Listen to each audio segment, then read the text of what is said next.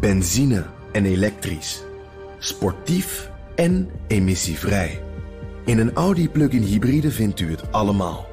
Ervaar de A6, Q5, Q7 en Q8 standaard met quattro vierwielaandrijving.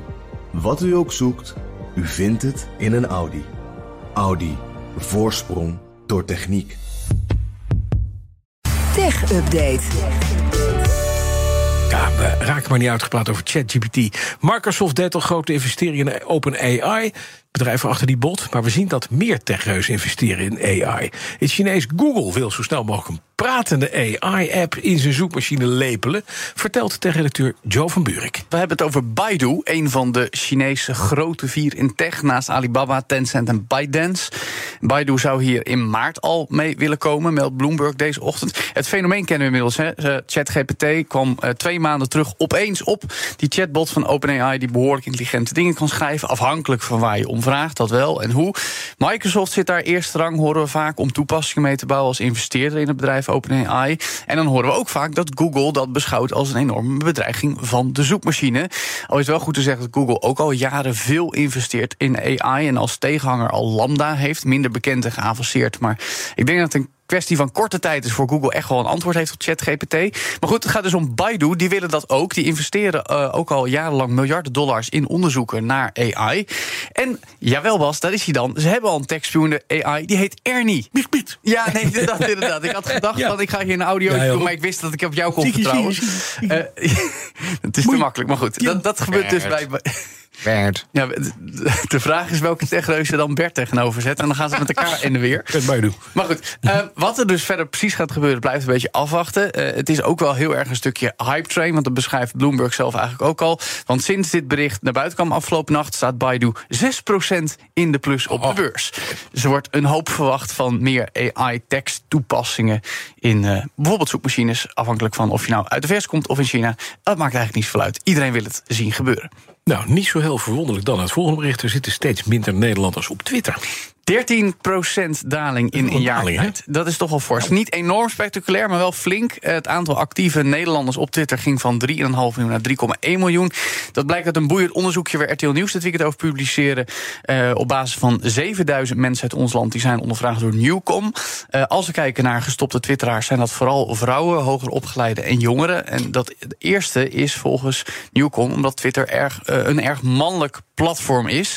De algemene tendens op Twitter is ook steeds uh, negatiever. Dat is voor veel mensen een reden om te stoppen. Het is een soort klaagdoos met zeikers. uh, ja. Nou, kijk, ik zeg er wel altijd bij als mensen dat zeggen... je hebt Twitter zelf in de hand. Je bepaalt zelf wie je volgt. Je kan mensen blokkeren. Ja, maar dat is een dagtaak aan je Twitter bij te nee, sommige mensen, Voor sommige mensen is dat vecht tegen de bierguy. Dat geef ik ook toe. Maar het is niet alsof het per definitie een nare ervaring is... om op Twitter te zitten. Je kan het echt wel uh, sturen. Maar goed, het is niet voor het eerst dat er zo'n forse daling is. Want in 2019 gebeurde dat ook al, zegt Hans Hoekstra van Nieuwkom.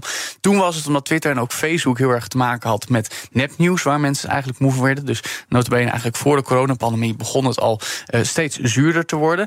Uh, wat dan wel? Nou ja, ik ben zelf op zich wel fan van Mastodon, maar volgens Nieuwkom gaat het in Nederland nog niet heel hard. Volgens hun cijfers zou ongeveer 300.000 Nederlanders daarop zitten en wordt het dagelijks gebruikt er nog uh, ja, ongeveer een derde daarvan. Dus dat is echt nog maar een fractie. Kijken we naar Facebook, dat wordt ook minder gebruikt, maar de daling gaat een stuk minder hard, 5% jaar op jaar. Er zitten nog altijd 9,9 miljoen Nederlanders op Facebook. Dat is toch best wel veel. Ja. Je denkt toch dat mensen. Maar goed, heel veel mensen hebben nog een account. Kijken ja, er misschien één keer per week, één keer per maand op. Ik ben er zo één. En ja, dan ben je ook actief of zo. Um, op YouTube zitten trouwens net zoveel uh, Nederlanders. Ook 9,9 miljoen. Daar neemt het gebruik ook heel lichtjes af.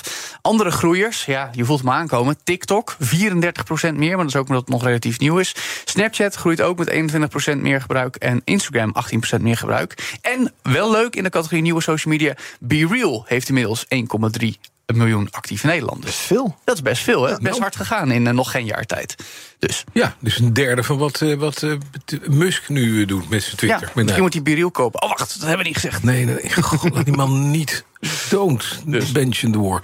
Nog even over Twitter. Uh, dat gaat minder hard optreden als je de regels overtreedt, natuurlijk. Diepe zucht. Waarom hadden we dat kunnen verwachten? Oh ja, wacht. Omdat diezelfde Elon Musk het platform drie maanden geleden uh, officieel kocht. En nou ja, daar moeten we bij zeggen... dit zou voor sommige mensen ook gunstig kunnen uitpakken... afhankelijk van hoe je het naar kijkt.